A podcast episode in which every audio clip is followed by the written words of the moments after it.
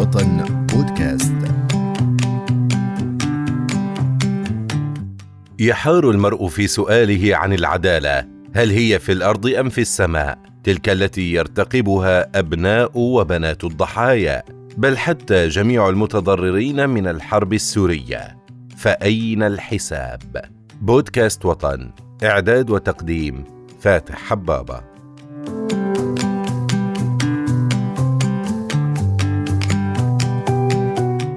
يبرز التساؤل عن المحاكم القانونية خاصة في مسار جرائم الحرب التي ينتهكها المجرمون ويرصدها الناشطون ويوثقها الحقوقيون وتفعلها المؤسسات المعنية. وبين المحاكم الدولية والمحاكم المحلية تبرز المقارنة في الأفضلية لتحقيق العدالة. ومعها أسئلة كثيرة.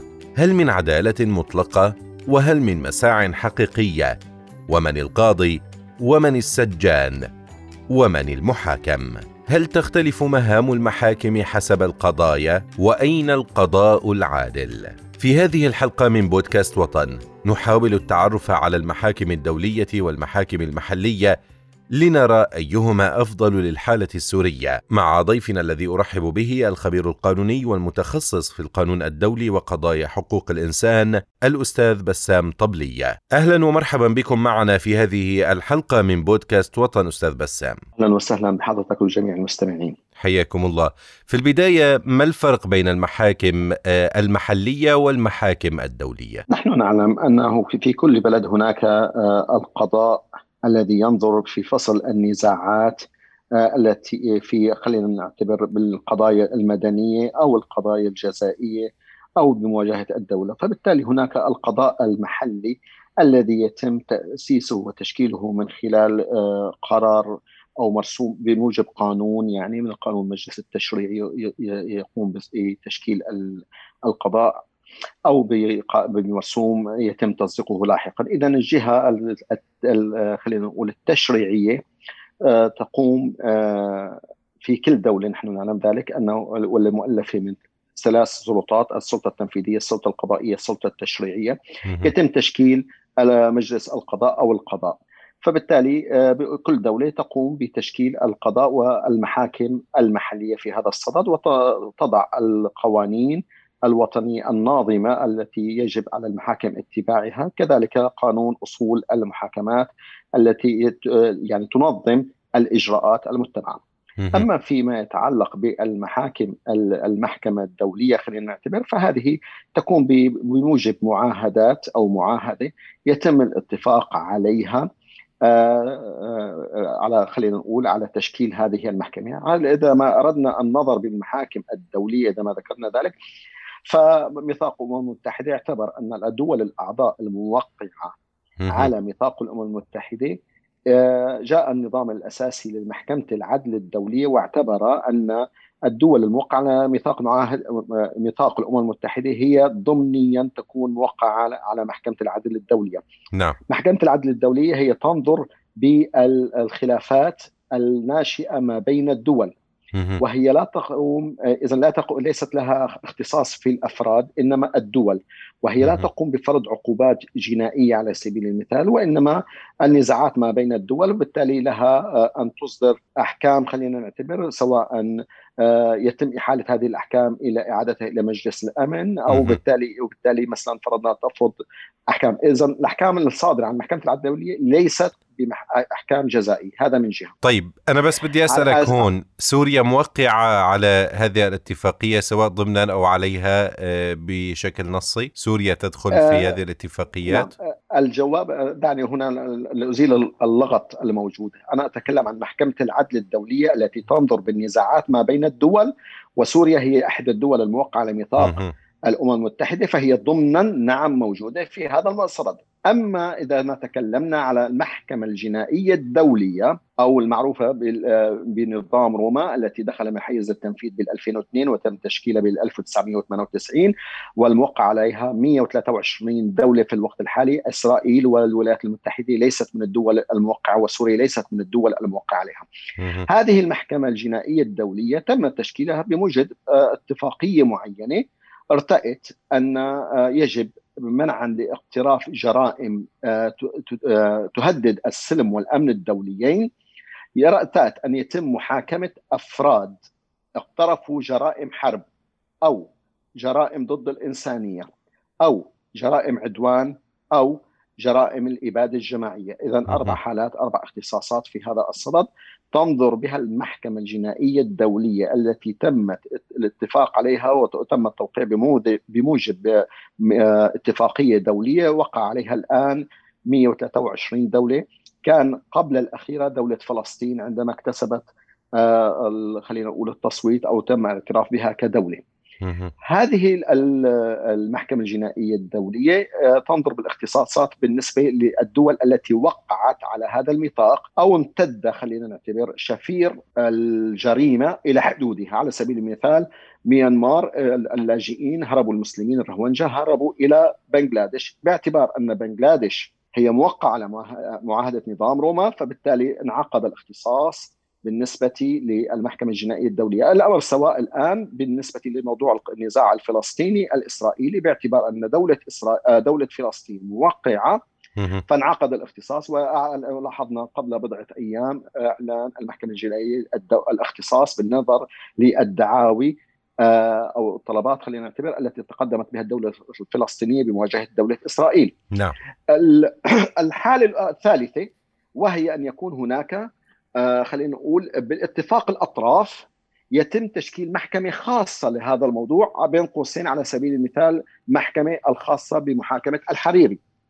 فهذه المحكمة تنشئ لهدف خاص بموجب اتفاق الطرفين خلينا نعتبر ارتأت الأطراف في لبنان أنه يجب أن اخضاع هذا الموضوع مو شرط الدولة تكون هي موقعة على ميثاق روما لمحكمة دولية. الأطراف لمحكمة خاصة. عقد لها الاختصاص وبالتالي أصبحت مختصة بالنظر في هذا النزاع حصا بين قوسين اغتيال المرحوم رفيق الحريري. طيب هنا ممكن ممكن إنه يتم عقد مثل هذه آه، المحكمة آه، في سوريا مثلا ولا آه، يعني إجباري يجب أن يكون هناك موافقة من جميع الأطراف السورية بما فيها النظام السوري على ذلك. يعني هلا السؤال الذي يطرح نفسه سوريا ليست موقعة على المحكمه ميثاق روما ميثاق نعم. الناظم للمحكمة الجنائية الدولية، إذا ما اتفقت الأطراف أنها تريد آه، إجراء محاكمة عادلة خلينا نعتبر الأطراف فهذا شأن خاص حالة استثنائية، ولكن بشكل عام الآن المحكمة الجنائية الدولية غير مختصة بالنزاع أو بما حدث من جرائم فيما يتعلق بالنسبة لسوريا. هلا باعتبار أن هؤلاء اللاجئين السوريين قد ذهبوا وسافروا إلى الأردن إلى تركيا. هناك صواريخ ضربت على تركيا وتركيا هي موقعة على ميثاق روما على سبيل المثال أو أن اللاجئين فيمكن حقيقة للمحكمة الجنائية الدولية أن يعقد لها الاختصاص في هذا الصدد. السؤال الذي يطرح نفسه لماذا رفض إلى هذه اللحظة؟ لم توافق. المد المدعية العامة لماذا لم توافق على النظر في الطلبات التي تقدمت آه إلى المحكمة الجنائيه الدولية. السؤال الذي يطرح نفسه كيف نستطيع أن الذهاب إلى المحكمة الجنائيه الدولية؟ طبعا نعم. أحد الحلول هو واحد إذا كانت موقعة على ميثاق روما، رقم اثنين قرار من مجلس الأمن. رقم ثلاثة طلبات من المنظمات المجتمع المدني اذا هناك طلبات من المجتمع المدني قدمت إلى المدعي المدعي العام سوف تنظر بهذا التحقيق بهذه الطلبات. تجد هل هناك أرضية لهذا الموضوع؟ الواقع العملي الواقع الحال أن آه، آه، لا يوجد إرادة سياسية لدى الدول. يعني بمعنى آخر حقيقة هناك مؤامرة على بالملف السوري. حتى لا حتى حتى تآمر يعني ب آه، من خلال القضاء يعني من خلال المحاكم من خلال أمر قانوني يجب أن يترفع عن مستويات ربما السياسة كما آه، ينظر البعض ويقول؟ يعني هل هناك عدالة مطلقة؟ الجواب لا. إذا آه، السؤال الذي يطرح نفسه هو الجميع يعلم أن هناك جرائم يندى لها الجبين اقترفت في سوريا وخلينا نعتبر على الأقل لو أراد المدعي العام أن تنظر في الادعاء خلينا نعتبر إذا افتح الباب وبالتالي رح نقدم الأدلة الأدلة موجودة ولكن فعليا المجتمع الدولي أو التوصيات خلينا نعتبر لا تريد أن يكون ينفتح هذا الباب وخاصة أن الولايات المتحدة الأمريكية خلينا نذكر أنه تم الإيحاء لروسيا بالتدخل في سوريا ب 2012 من أجل عدم سقوط الأسد.